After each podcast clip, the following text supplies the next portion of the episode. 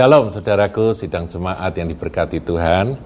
Saya ingin sampaikan Amsal 13 ayatnya yang ke-11.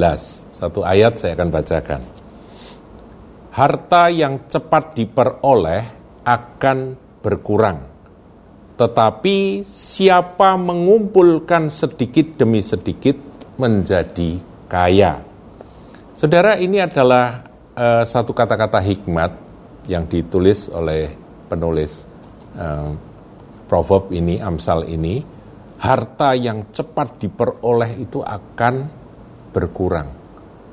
Jadi kalau orang yang disebut dapat rezeki nomplok begitu ya, saudaraku ya, entah dia dapat undian berhadiah atau apa sehingga dia mendadak kaya menjadi OKB, orang kaya baru gitu ya atau istilah saya OKM, orang kaya mendadak gitu saudara. Itu biasanya, biasanya tidak semua, tapi biasanya harta itu cepat sekali berkurang dan bahkan tanpa disadari tiba-tiba habis. Kok bisa begitu? Nah, ini yang perlu perlu kita dalami, saudaraku. Kita umat Tuhan dikasih ayat hikmat ini untuk apa? Untuk waspada jadi kalau saudara dapat berkat rezeki nomplok, ingat ayat ini. Supaya tidak sampai kita menggenapi bahwa itu nanti akan cepat berkurang dan habis. Tidak. Tapi sebaliknya dikatakan, siapa mengumpulkan sedikit demi sedikit menjadi kaya.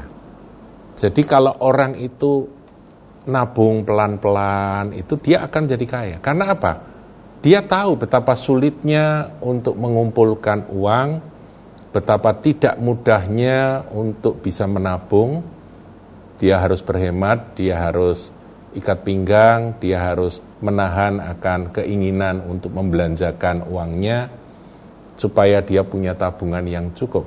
Nah, orang yang seperti ini, orang yang biasa berhemat, berhati-hati di dalam membelanjakan, itu biasanya lebih bisa bertahan. Ya, jadi dia tidak akan mudah eh, terpengaruh oleh sesuatu sehingga nanti tiba-tiba hartanya lenyap gitu tidak. Orang-orang seperti ini lebih berhikmat karena dia tahu susahnya di dalam mengumpulkan uang tersebut. Nah, saudara, saya ingat akan satu berita yang heboh. Itu terjadi di desa Sumur Geneng, Kecamatan Jenu, Kabupaten Tuban beberapa tahun yang lalu masuk di siaran-siaran berita televisi, saudaraku, kampung tersebut ya Desa Sumur Geneng, Kecamatan Jenu, Kabupaten Tuban itu mendadak menjadi kampung miliarder. Karena apa? Karena tanah-tanah milik penduduk di situ dibeli oleh Pertamina. Ya, saudaraku, apa yang mereka lakukan? Ya, jadi bikin heboh saudara karena langsung mereka itu rame-rame beli mobil baru ya.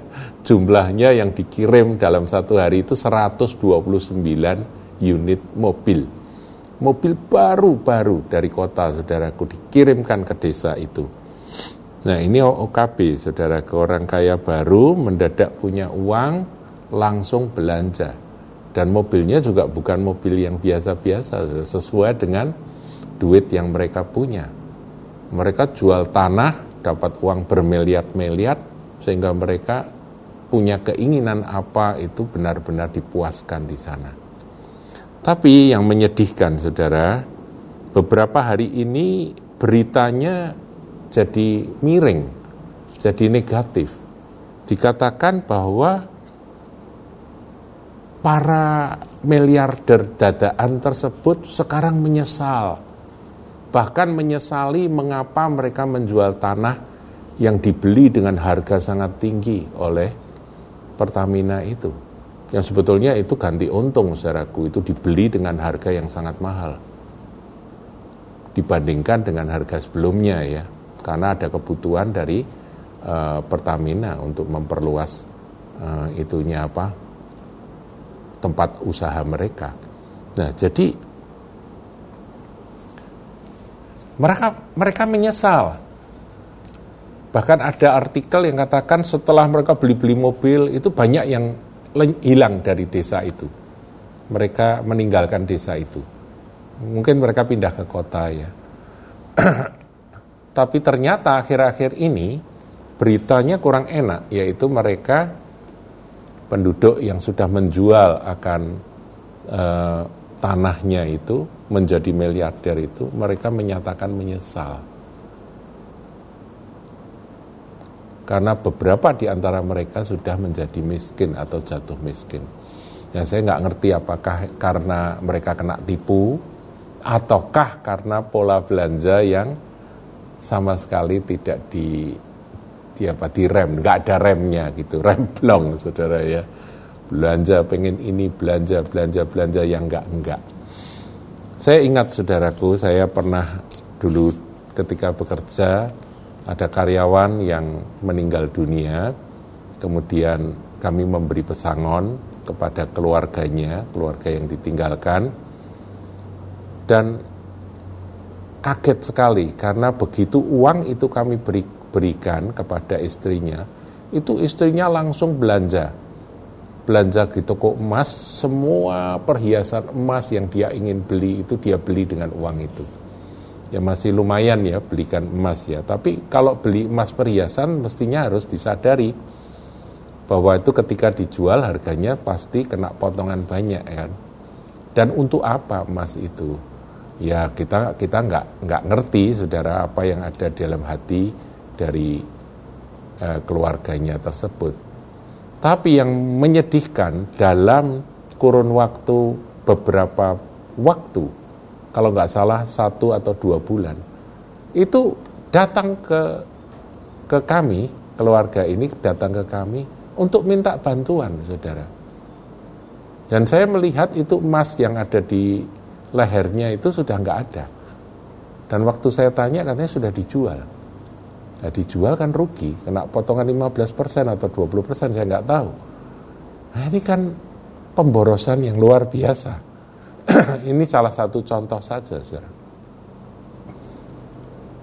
Jadi orang dapat duit banyak itu kalau nggak nggak cerdas, nggak hati-hati, itu yang akan menggenapi ini harta yang cepat diperoleh akan berkurang.